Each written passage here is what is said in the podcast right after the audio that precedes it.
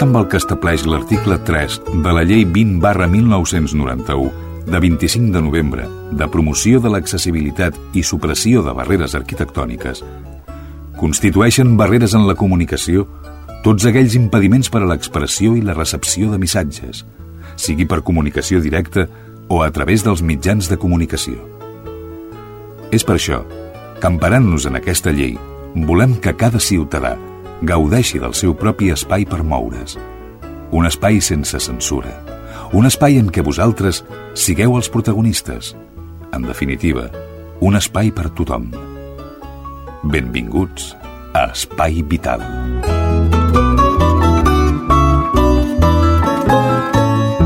Senyores, senyors, què tal, com estan? Benvinguts, ben trobats un dia més a un programa més. Es diu Espai Vital i comença amb 3, 2 o 1. Estàs escoltant Espai Vital.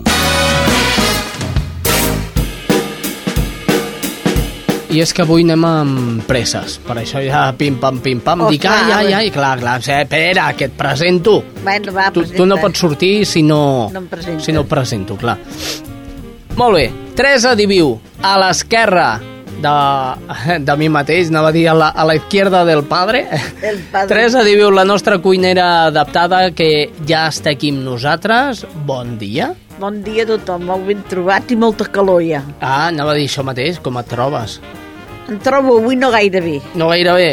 No, perquè vinc de fer-me una prova, allò m'han tret sang Sí. per fer xoriço o morcilla o llonganissa, el que sigui. Per veure igual. per què, per què ets millor, no? Ah, clar. Si per una cosa o per una altra. O per l'altra, a veure, no sé, el que sigui.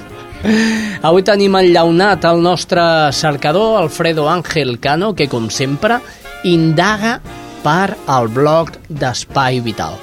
Us dono l'adreça radio-al eh, espai-al vital.blogspot.com és la plana web del programa. Jordi Puy, els controls tècnics. I que els parla, un servidor, Xavi Casas.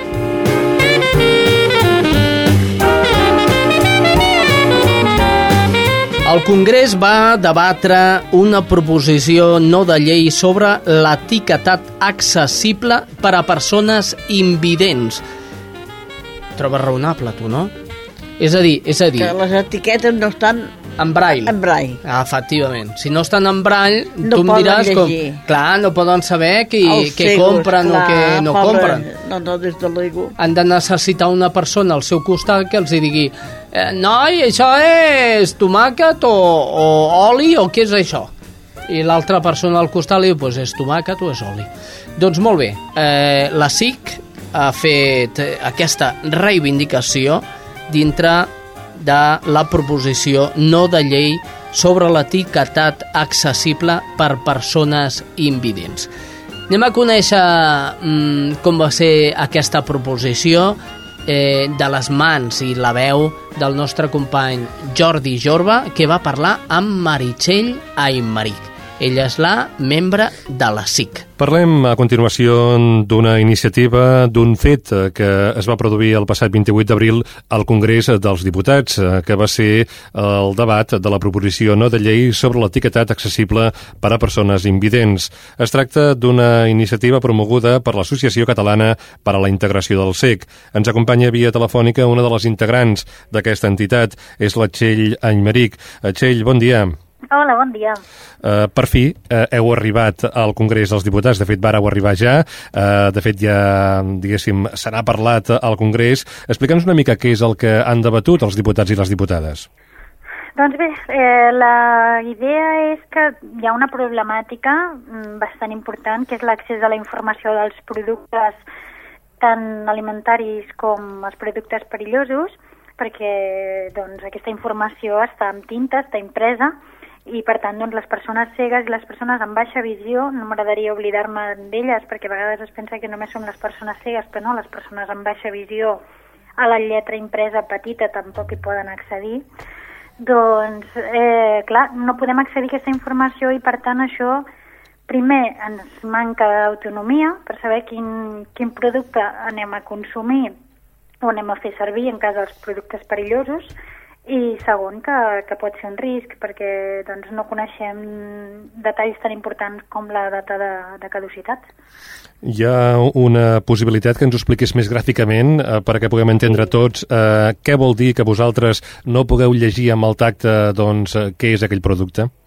Sí, per exemple, doncs, eh, molt gràficament, no? Jo quan obro la nevera, doncs si trec un, un iogurt, doncs no puc saber de, de què és, ni puc saber eh, quina data de caducitat té, perquè doncs, eh, clar, la lletra que té, doncs, com deia, està impresa i el meu codi de lectoescriptura és el braille, que és tàctil.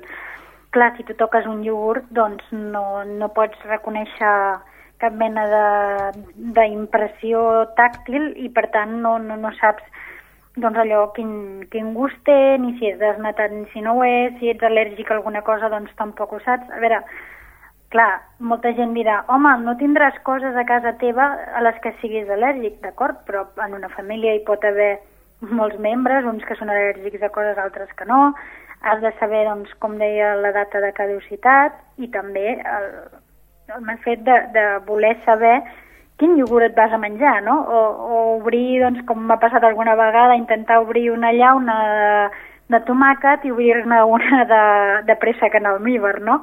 Perquè doncs, els envasos, a més, s'assemblen molt. Uh -huh. Escolta, esteu demanant impossibles o a la Unió Europea, que és de fet eh, allà on som, a l'estat espanyol, hi ha eh, països amb legislacions que recullin això que demaneu?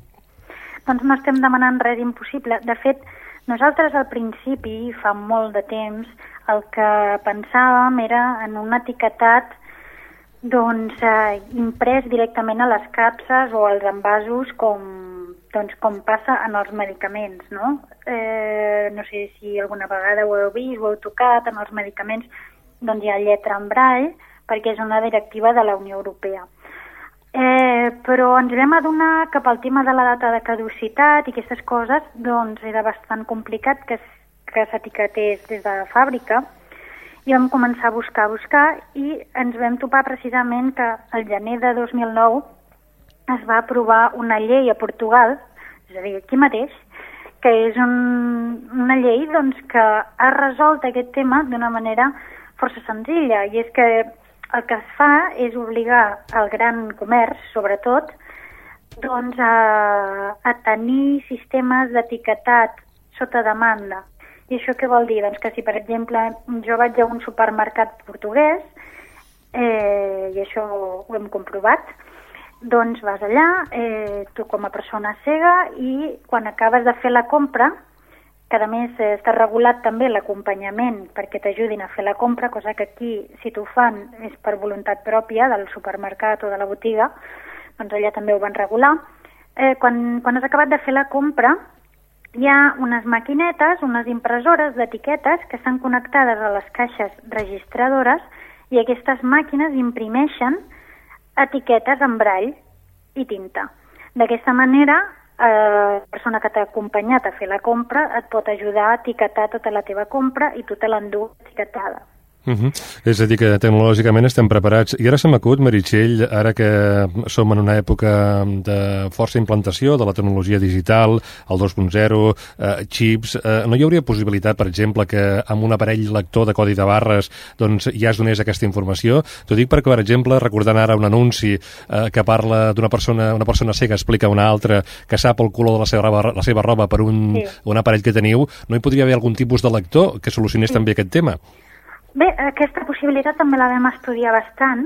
El problema que hi ha bé, és una mica complex. Això potser t'explicaria millor alguna persona tècnica, però nosaltres ho vam estar estudiant, vam estar parlant amb, amb instituts tecnològics i amb persones doncs, que hi entenen molt, i el que ens van explicar és que de moment no hi ha una estandardització de codis de barres. I clar, eh, aquest problema el que porta és que eh, millor doncs en un país estan fent servir uns codis de barres que permeten tenir més informació, en altres països uns codis de barres que menys. Clar, si tu aquí estàs consumint un, un producte mm, doncs que és potser de la Unió Europea, molt bé, potser això es podria arribar a estandarditzar. Però i si aquest producte és d'Estats Units? Hauríem de fer una estandardització mundial, que potser podria estar bé, però que, per una altra banda, té un handicap, no? té un, un problema afegit, que és la dependència de la tecnologia. És a dir, clar, a veure, en realitat sí que ho soluciona, però realment anar traient coses de la nevera i estar tot el dia amb el catxarro, perdoneu la paraula, però de, del lector de codis de barres i anar traient les bosses del congelador i ara poso això i ara no me'n recordo de què és això.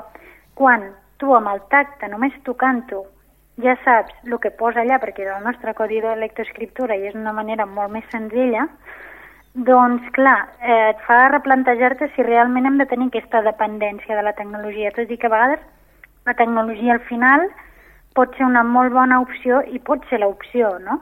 Però en aquest cas pensem que, mm, de moment, eh, aquesta possibilitat que s'ha implementat a Portugal és una realitat. I, per tant, eh, bueno, de fet, a Argentina també hi ha alguns supermercats que ho estan fent. Vull dir que, clar, eh, no estem parlant de, de coses impossibles, no?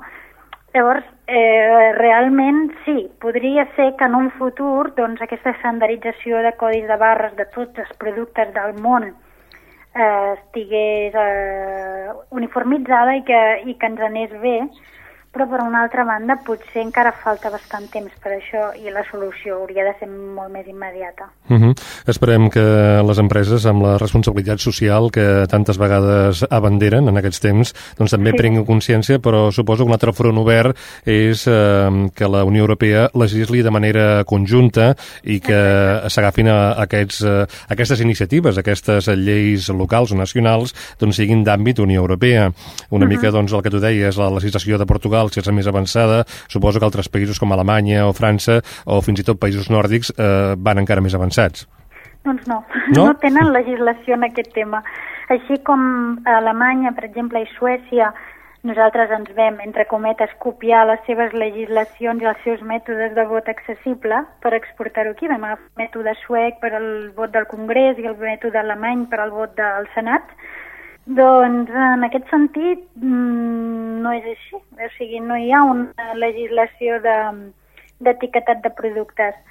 Clar, a veure, cada cop més, per sort, hi ha algunes marques, com per exemple la marca blanca del, del Campo, per dir alguna cosa, bé, no és per fer publicitat, o no sé, eh, Sanex o algunes altres, estan començant a etiquetar de base, i això també seria molt interessant. El que passa que el fet de posar la data de caducitat, com us deia, realment, quan es fan els trucalats i tot això, és molt complicat, perquè cada dia canviaria la forma d'aquell envàs, perquè el barall és tàctil i, per tant, eh, hauria de, de canviar, no? Eh, és molt més complex. Llavors, per això, doncs, partíem de la idea de posar-hi etiquetes com, com fan a Portugal. Molt bé, doncs eh, esperem que la iniciativa que ja valorarem doncs eh, vaja tiri endavant, eh, sigui possible, si més no en rang d'estat o potser d'Unió Europea, tant de bo a nivell mundial fora possible, com tu també apuntaves en alguna resposta, i que ses senyories, les d'aquí i les d'arreu, doncs prenguin consciència d'aquesta realitat vostra del dia a dia. Suposo que totes aquestes coses, quan les viuen directament les persones afectades, s'entenen millor. Eh, no sé pas si eh, heu convidat a, a diputats i diputades alguna vegada a viure la vostra realitat, eh, aquells exercicis que feu sovint a places i carrers del nostre país, doncs potser també els diputats, els que decideixen, els haurien de viure. Bueno, nosaltres estem dient que si això això no avança com ha d'avançar, amenacem amb la, entre cometes, amenacem, no?, amb la posada en funcionament de, de l'acció de conscienciació social nevera accessible que plantarem una nevera a la plaça Catalunya i farem, doncs, bueno, una mica aquesta acció, no?, com dius tu, de, de conscienciació i aquí sí que hauríem de convidar, jo crec que a les senyories, com dius, no?, perquè entenguin d'una vegada que això realment Vull dir, és, és una cosa necessària. I tant que sí, si més no, que no passi el que va passar en la proposta de Convergència i Unió per eh, que els medicaments eh, doncs, eh, introdueixin eh, la data de caducitat en sistema Braille eh, a través d'un afegitor que farien els mateixos farmacèutics i que sembla ser que no es va aprovar, que era molt senzill, eh, vaja, però sembla ser que al final no, no es va aprovar. Què va passar, Meritxell? Bé, doncs a vegades crec que és això, que, que hi ha masses ganes de donar-li voltes a les coses quan poden ser molt senzilles. Convergència va proposar, també una mica li vam donar nosaltres la idea, doncs, de que ho fes, de, que els farmacèutics tinguessin etiquetes amb el mes de l'any i amb els propers anys, i etiquetes amb els propers anys, perquè poguessin enganxar-les en el medicament que una persona cega en un moment donat compra, o sigui, tan senzill com això però sembla ser que la comissió que havia d'aprovar aquesta proposició no de llei li va semblar adequat que això s'havia de regular i això és, així s'ha aprovat però eh, sí, s'haurà de regular però ja es veurà com i diuen que s'ha d'estudiar amb les empreses farmacèutiques i amb les entitats representatives del sector. Veu que les que no som tan representatives doncs no tenim molt a dir, no? Eh, Esperem que no passi, que no passi allò que diuen, que si vols que una cosa no, no rutlli, doncs crea una comissió, no? Sí. tant de bo, tant de bo, i, i vaja, gent com vosaltres, com la CIC, o els mitjans de comunicació, en aquest cas, I tant, aquest, que una bona feina, aquest eh? que parla ara mateix amb vosaltres, doncs ajudin a, a tirar endavant aquestes iniciatives que el que volen és una societat inclusiva i on tothom pugui valdre sense haver de menester ajuts externs, sempre és bo que t'ajudin, però si tu tens autonomia, la màxima autonomia possible, sempre sempre, sempre és millor per a tu i pel conjunt de la societat. Eh, Txell Enmeric, valorarem com ha anat aquesta compareixença i res, la Txell Enmeric pertany a l'Associació Catalana per a la Integració del SEC. Gràcies per acompanyar-nos i seguirem en contacte. Gràcies a vosaltres per l'interès. Molta sort.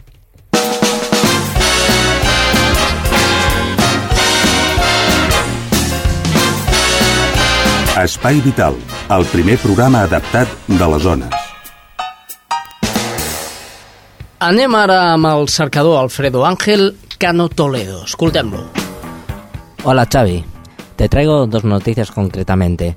Una es concretamente sobre la universidad y la otra es sobre la Fundación de la Caixa, un proyecto que tiene entre manos. Eh, la primera noticia, como te he dicho, es de la universidad, concretamente la asociación ADUAP, un año más ha organizado el concurso de microrelatos para la idea de San Jordi, que han sido texto de unas 250 palabras y todos trataban de alguna forma el tema de la discapacidad. Ha habido diversos premios cedidos por los comercios de la plaza cívica de la Universidad Autónoma y a escoger entre los ganadores del certamen. Los premios mmm, han sido entregados el 23 de abril durante la celebración de la Día en San Jordi. Esta noticia, como ya habéis visto, ha sido pasado, pero es para comentar un poco la iniciativa de estos jóvenes de la universidad que llevan un proyecto a cabo ya bastante tiempo y se está consolidando de mmm, dar a concienciar a los jóvenes de universitarios que es difícil de las discapacidades existentes. La otra noticia es la Fundación La Caixa ha creado una nueva línea dentro del programa Hablemos de Drogas con el objetivo de hacer llegar el programa de la prevención del consumo de drogas a las poblaciones de toda Cataluña. En la exposición interactiva Hablamos de Drogas, que se enmarca dentro del convenio entre la obra social La Caixa y la Consejería de Salud y la Consejería de Educación de la Generalitat de Cataluña pretende sensibilizar a los jóvenes y prevenirlos contra las drogas desde un punto de vista científico y global. Bueno, eso es todo, Xavi, y nos vemos la semana que viene. Molt bé, gràcies Alfredo Ángel Cano. Un dia més recordeu el blog d'Espai Vital, ràdio-espai-vital www.blogspot.com En aquest moment em ve de gust anar a dinar i per anar a dinar hem d'anar amb la nostra cuinera, sí senyor, la Teresa Diviu. Ella fa una cuina adaptada, amb només una mà. Teresa Diviu, què ens portes avui? Mira, avui una cosa especial. Rapa la sidra. Doncs rapa la sidra, que de seguida us expliquem com fer-lo.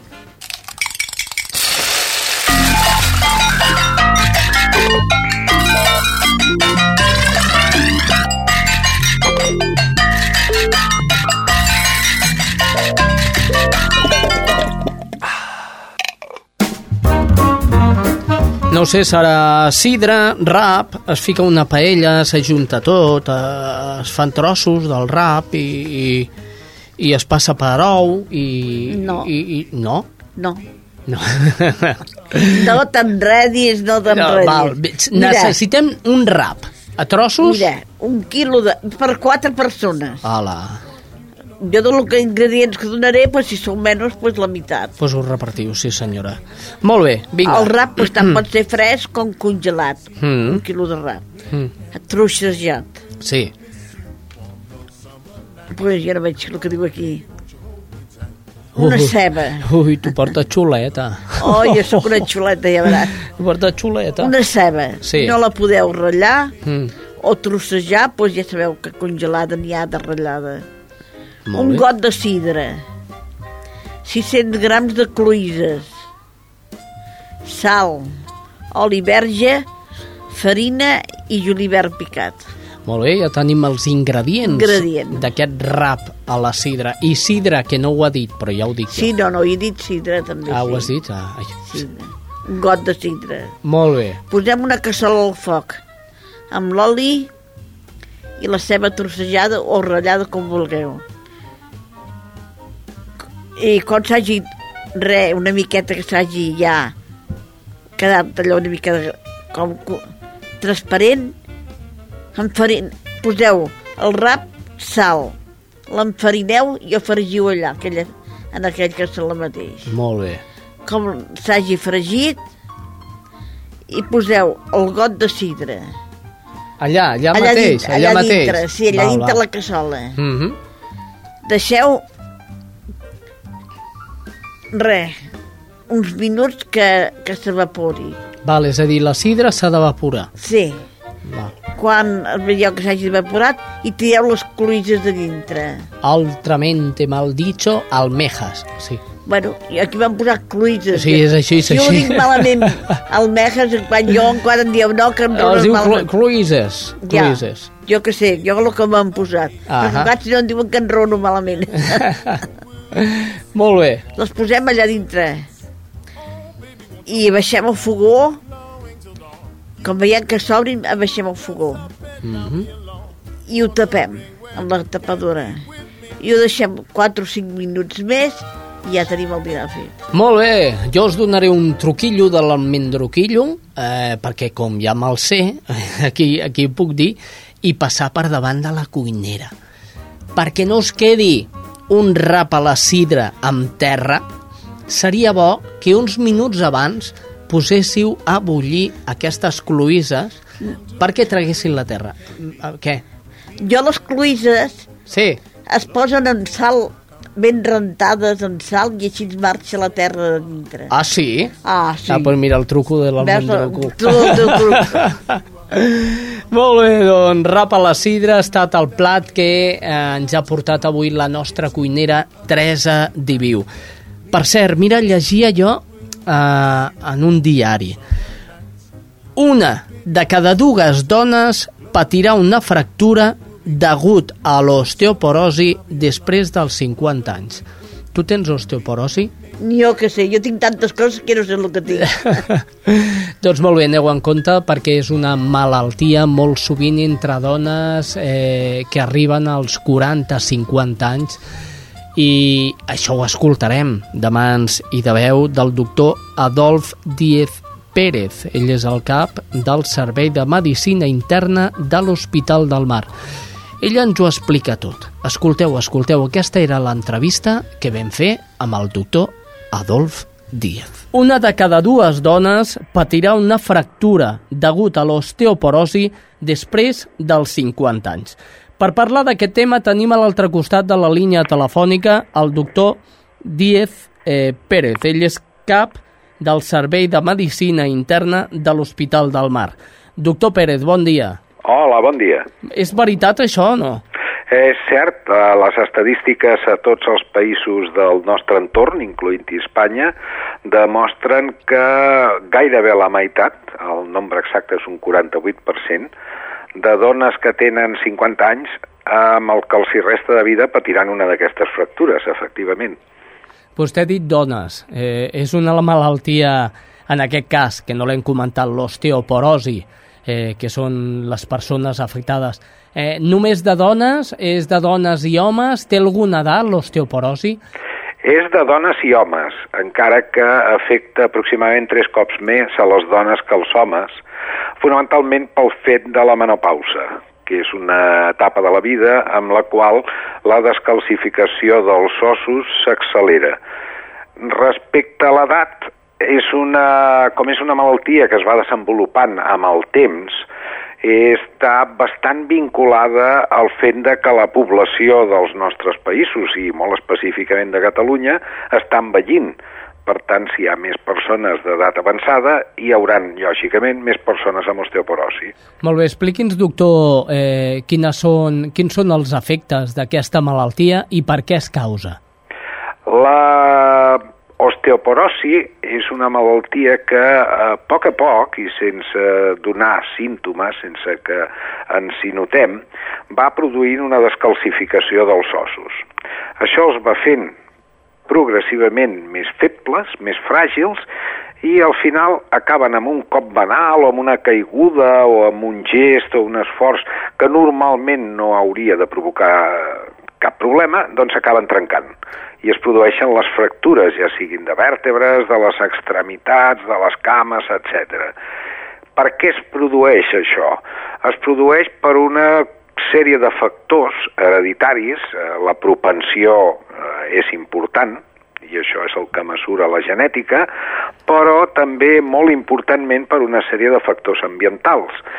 Val a dir aquí que el no fer activitat física, prendre una dieta molt mancada de calci, i això vol dir fonamentalment llet o coses fetes en llet, el fumar o el beure excés d'alcohol, entre altres factors, són molt negatius per tot, però també específicament per l'os. Què fa que els ossos no acceptin el calci que li puguem donar del cos? Els ossos sí que l'accepten. El que passa és que si nosaltres tenim una dieta amb molt poc calci, mm -hmm. a la seva dieta, no li donem als ossos la matèria prima que necessiten. És com si volem fer una obra i no hi portem totxanes. Ja, ja. I els ossos doncs, necessiten d'aquest calci per poder tirar, i ja està clar, per, per poder-se fer forts i mantindre's eh, joves el més possible, encara que siguis gran com a mínim que, que els ossos els tinguis forts. Molt bé, comentàvem la genètica. És important la genètica en l'osteoporosi? Amb tota malaltia i també l'osteoporosi no és una excepció. Ah és a dir, que, que sí, que és important. Molt important. L'únic problema és que les malalties com l'osteoporosi, que estan associades a l'edat avançada, són malalties que se denominen poligèniques. Vol dir això que n'hi han centenars de gens que intervenen afegint o restant. Llavors, al final, la combinació de cada un d'aquests gens és el que acaba determinant que hi ha persones que arriben a edats molt avançades amb ossos molt, molt consistents i altres que quan encara no toca, quan encara són bastant joves, tenen uns ossos ja molt febles. Podem dir que és una malaltia eh, crònica o no? És una malaltia crònica en tant en quant es va desenvolupant al llarg d'anys i un cop s'estableix el tractament que nosaltres fem, déu nhi el que beneficia, però clar, els ossos ja no tornen a ser mai com, com abans, mm. com quan eren joves i perfectament resistents. El tractament seria tornar a la joventut, per entendre'ns. Això fora fantàstic, però ja no sol sabem pels ossos, sinó per tot, des de la planta dels peus a l'arrel dels cabells. Veritablement, doctor Diez, eh, li agraïm moltíssim que agités els micròfons d'Espai Vital. Un plaer. I l'encoratgem a seguir lluitant per aquesta malaltia. Moltes gràcies. Aviam si fem coses. Gràcies. Adéu. Estàs escoltant Espai Vital.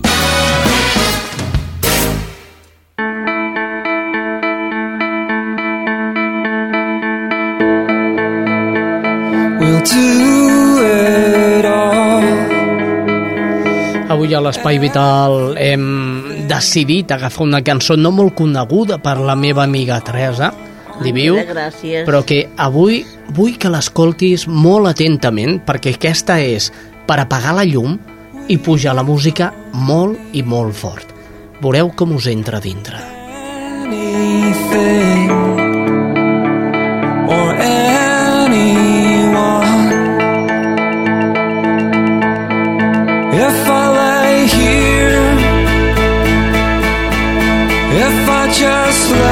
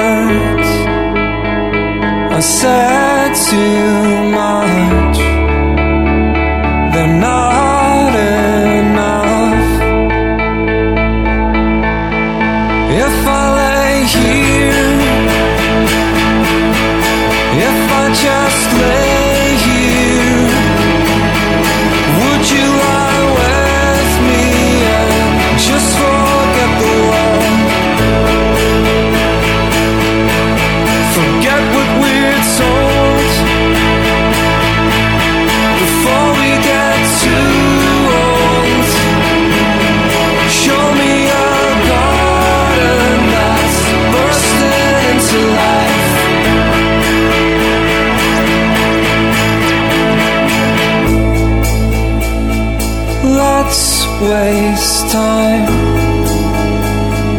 chasing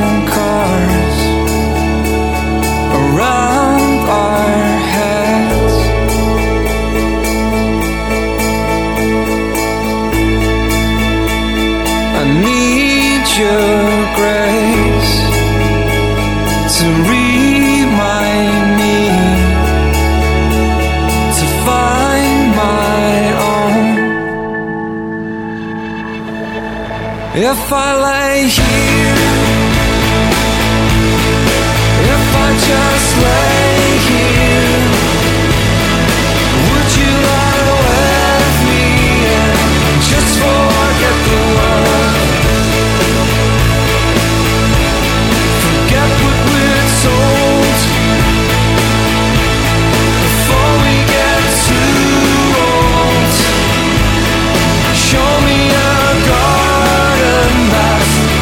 listen.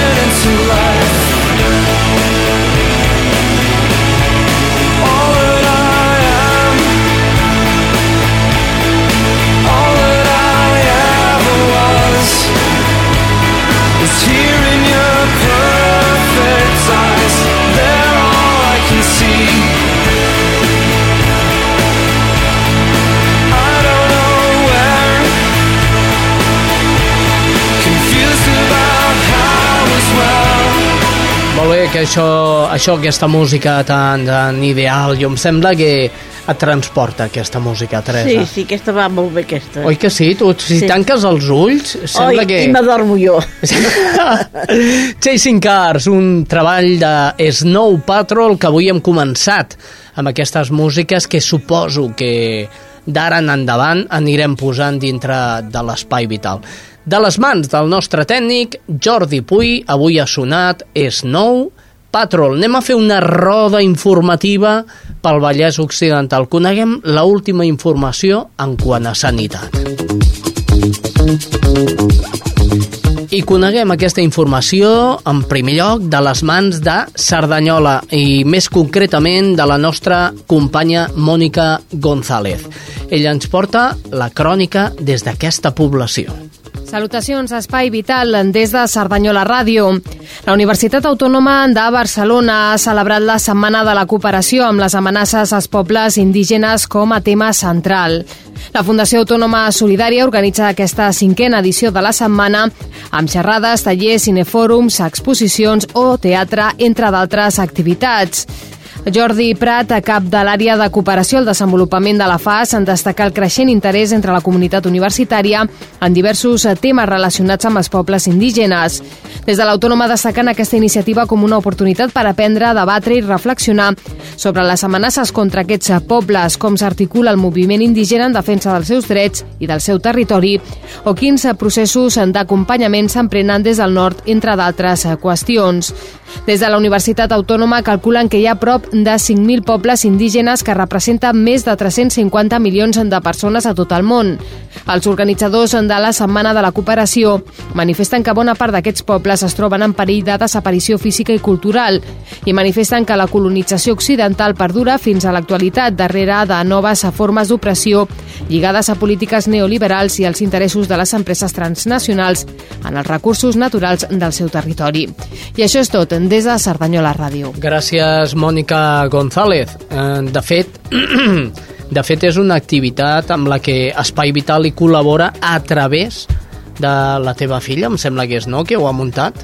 Sí, eh, bueno, ella, ella treballa allà.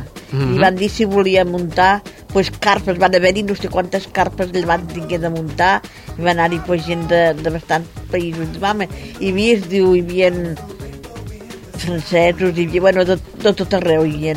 De tot. Sí, hi havia allò del Perú i tot, diu allà, diuen que diu, els volia posar a la plaça, diu, no, no, i ell va dir allà un cor, corraló, diu, perquè aquí passava més gent per comprar coses, pobre, pobre home, ells més volen vendre, que eh, és el que passa.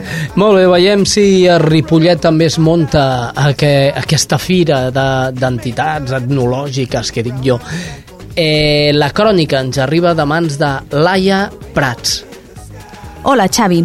Avui des de Ripollet t'expliquem que amb motiu de la celebració el proper 28 de maig del Dia Internacional d'Acció per la Salut de les Dones, les regidories de Salut Pública, Serveis Socials, Joventut, Educació i Polítiques d'Igualtat han organitzat un programa conjunt d'activitats que tindrà lloc durant tot el mes de maig. Tallers d'autoestima, el sexe a partir dels 50 o prevenir el mal d'esquena seran alguns dels temes que es tractaran i que estan adreçats especialment al públic femení. L'última de les activitats serà un taller de danses de Bollywood i un de sexualitat segura que es durà a terme el dia 2 de juny al Casal de Joves. El cicle està inclòs en el projecte integral al barri de Can Mas. Totes les activitats són gratuïtes, però cal inscripció prèvia als tallers a la regidoria de polítiques d'igualtat. I això és tot fins la setmana vinent. Fins la setmana vinent, Laia, anem cap a Montcada, uns metres més cap avall de, de Can Mas. Molt bé, arribats a Montcada Ràdio, allà ens trobem a la Sílvia Díaz. Salutacions des de Montcada, l'Espai Vital. Avui parlarem d'activitats de dues entitats. D'una banda, l'Associació Catalana de la Síndrome de Ret, que té la seva seu a Montcada, organitza un sopar solidari el 21 de maig destinat a recaptar fons per a la investigació de la malaltia. El preu per persona és de 45 euros i les persones interessades a assistir-hi poden adreçar-se a l'associació que té les oficines al Cursal de Can Sant Joan. La síndrome de Ret és una malaltia de les considerades minoritàries que afecta una de cada 12.000 nenes nascudes. La patologia provoca un retard mental i de retruc, disfuncions a l'aparell motriu, de manera que incapacita les dones que la sofreixen. D'altra banda, de l'entitat que també us parlarem avui és l'Associació Espanyola contra el Càncer. La Junta Local organitza una exposició de fotografies conjuntament amb l'Ajuntament titulada Heroïnes, la lluita de la dona contra el càncer de mama, que es podrà visitar al Cursal fins al 6 de juny. Es tracta d'una fusió d'art i d'imatges corporals que mostren fortalesa, valor i creativitat de les dones que protagonitzen aquesta exposició. Els, les participants expressen les seves principals emocions, com viuen l'afrontament amb la malaltia, amb sentiments de ràbia, batiment, coratge, força, alegria, entre moltes altres. El missatge final que es vol enviar als visitants és d'esperança. Doncs bé, aquí ho deixem per avui. Fins la setmana vinent. Fins la setmana vinent, Sílvia, esperem retrobar-nos. Anem ràpidament de Montcada cap a l'altra punta, a Barberà. Allà es troba la Judit González. Salutacions des de Ràdio Barberà. El mes de maig està dedicat a la salut de les dones a Barberà del Vallès. El programa de sensibilització vers la igualtat ha organitzat diverses activitats. La primera es va realitzar aquest dimarts. L'Associació per la Igualtat Dones.com va organitzar el Cafè Tertúlia Estimar-se menjant bé, bo i sa, l'alimentació en les dones. La xerrada va anar a càrrec de la nutricionista i tècnica de salut de l'Ajuntament de Barberà del Vallès, Marta Miró. L'associació Dones.com és una entitat que organitza i realitza activitats dirigides a promocionar els drets i oportunitats de les dones amb la finalitat d'aconseguir una veritable igualtat entre homes i dones. Entre altres activitats, el proper dijous 27 de maig, a més, es durà a terme la presentació del llibre Mujeres, Salut i Poder, a càrrec de la doctora Carme Valls Llobet. Molt bé, gràcies Judit González. Anem de Montcada cap a... No, Montcada no, Barberà, cap a Santa Perpètua de la Muga. Allà està la nostra estrella, Estrella. l'estrella, l'estrella, estrellita, estrella, estrella Núñez. Salutacions des de Santa Perpètua. El nou CAP de Santa Perpètua, el segon, entrarà en funcionament el mes de juliol, segons ha anunciat el director del sector sanitari del Vallès Occidental del CAT Salut, Joan Parellada. Parellada ha indicat que l'objectiu d'aquest nou equipament és donar proximitat sanitària als veïns de Santa Perpètua, especialment als veïns de la Florida. El director del sector sanitari del Vallès Occidental del CAT Salut ha avançat que els efectius sanitaris seran els mateixos amb els que Santa Perpètua compta actualment. El nou CAP disposa de 19 consultes, una sala d'educació sanitària, d'extraccions sanguínies i una àrea de personal. L'arquitecte de l'edifici, Pau Benac, ha destacat la llum interior de l'equipament i la privacitat de la instal·lació amb l'exterior. El segon CAP s'ha aixecat en uns terrenys a la confluència del Passeig de la Florida amb l'Avinguda de l'Estel Ibèrica. La instal·lació compta amb una superfície construïda de 1.274 metres quadrats. Construcciones Deco ha estat l'empresa encarregada de la construcció amb un pressupost de 2 milions d'euros. El nou CAP serà el centre de referència dels veïns del barri de la Florida i Mascosta i podrà atendre una població de 12.000 habitants. El nou CAP de Santa Perpètua, el segon, entrarà en funcionament el mes de juliol. Un problema en el subministrament elèctric impedeix la seva immediata posada en marxa, segons ha indicat Parellada, que diu que aquest problema estarà enllestit properament. Molt bé, gràcies Estrella Núñez. No t'enfadis per la petita brometa d'abans. No, no, sé, per l'Estrella. T'ha fet amb tot el carinyo. Eh? I tant que sí. No sigui cas que ara se'ns enfadi. Molt bé, Estrella, gràcies des de Santa Perpètua de la Moguda. Per últim, ja, Sabadell. Allà es troba, home, mira, el Xavi, Xavi Miralles. Hola. Salutacions des de Ràdio Sabadell, l'Odiat del Taulí l'Hospital General de Granollers han signat un acord de col·laboració en matèria d'assistència en radiologia mamària. Aquest conveni implicarà millores qualitatives en l'assistència de les pacients de la unitat de diagnòstic de la patologia de la mama. La col·laboració entre els dos centres es concreta en el suport assistencial per part de dos especialistes en radiologia mamària de l'Odiat. Aquests dos professionals es traslladaran cada setmana a les instal·lacions del Centre del Vallès Oriental, on aplicaran el seu coneixement amb el suport del personal d'infermeria i també d'altres professionals. Precisament els professionals del Servei de Radiologia Mamària de l'Odiat tenen una dilatada experiència amb una activitat actual d'unes 54.000 exploracions de radiologia mamària anuals. D'altra banda, des de l'Hospital General de Granollers han mostrat la seva satisfacció per aquest acord i han assegurat que el conveni els permetrà reduir les llistes d'espera en l'àmbit de la radiologia mamària.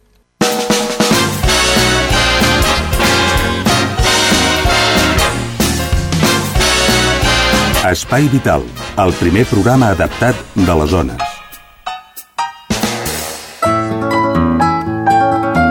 Doncs ja ho sents, ja ho sents, Teresa, que és l'hora de marxar. I tant. Ja ho sents, no? Ens haurem de despedir. Home, què has après avui, Teresa, del que hem parlat? Pues moltes coses. Sí? Bueno, dos coses només, eh? Bueno, mira. Escolta, em vés a mirar-te els ossos, vale? Sí, perquè no, no, sí, no no. agafis osteoporosi, perquè Sí. tu una miqueta més gran de 50 ets, eh? I tant. Sí. Però la, perquè m'han mirin els ossos i m'han de pujar sobre la taula, no hi ha persona perquè em pugi sobre la taula que- d'aquelles camilles tan altes. I no puc anar a visitar. M'han dit, no, no cal que vingui. No cal que vingui. Ah. No cal que vingui. Així és que estem ben arreglats. Doncs molt bé, amb la Teresa diu eh, queixant-se, que és el que volem, que la Teresa es queixi i, i aquest programa és de queixa per intentar arreglar o solventar aquelles coses que, que no es fan o que no es solventen. Senyors, si tenen qualsevol dubte, ens poden enviar o qualsevol suggeriment o queixa. Eh, ens poden enviar la queixa al correu ràdio espai vital, tot junt, ràdio espai vital, arroba telefònica.net radioespaivital arroba telefònica.net tot seguit que el rebem eh, en farem menció amb aquest programa molt bé, res més, senyors. Marxem. El control tècnic, Jordi Puy, la Teresa Diviu com a cuinera, el Chiquitín i un servidor, Xavi Casas. La setmana que ve tornem. No ens perdin d'oïda. Per marxar. Aquest tema. Aquest tema, dedicat per totes les iaies que ens escolten. Molt bé. és un tema del Serrat. I com es diu? Hijo de la luna. Sí? Ah, de la luz, de la luz. De la luz. Hijo de la luz. Molt bé, escoltem-lo. Apa, adeu-siau. mayor de su potencia lunar y femenina. Eres la medianoche, la sombra culminante, donde culmina el sueño, donde el amor culmina. Daré sobre tu cuerpo cuando la noche arroje su avaricioso anhelo de imán y poderío. Un astral sentimiento febril me sobrecoge, incendia mi osamenta con un escalofrío. Eres la noche esposa, eres la noche esposa, eres la noche esposa y yo soy el mediodía.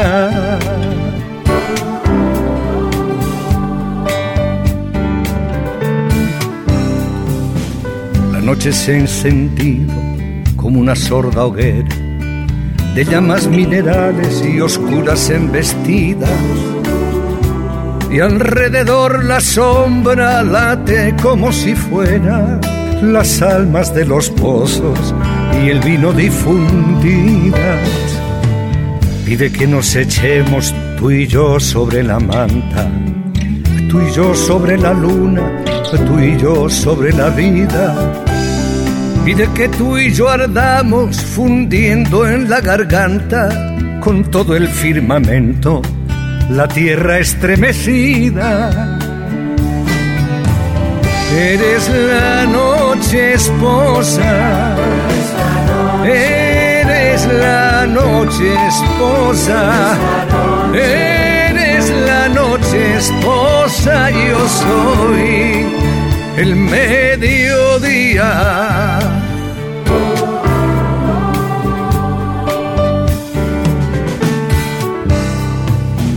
Caudalosa mujer, en tu vientre me entierro, tu caudaloso vientre será mi sepultura. Si quemaran mis huesos con la llama del hierro, verían que grabada llevo allí tu figura. Con el amor a cuestas, dormidos y despiertos, seguiremos besándonos en el hijo profundo. Besándonos tú y yo, se besan nuestros muertos, se besan los primeros pobladores del mundo. Eres la noche esposa, eres la noche esposa, eres la noche esposa, yo soy el eres la noche esposa, yo soy el mediodía.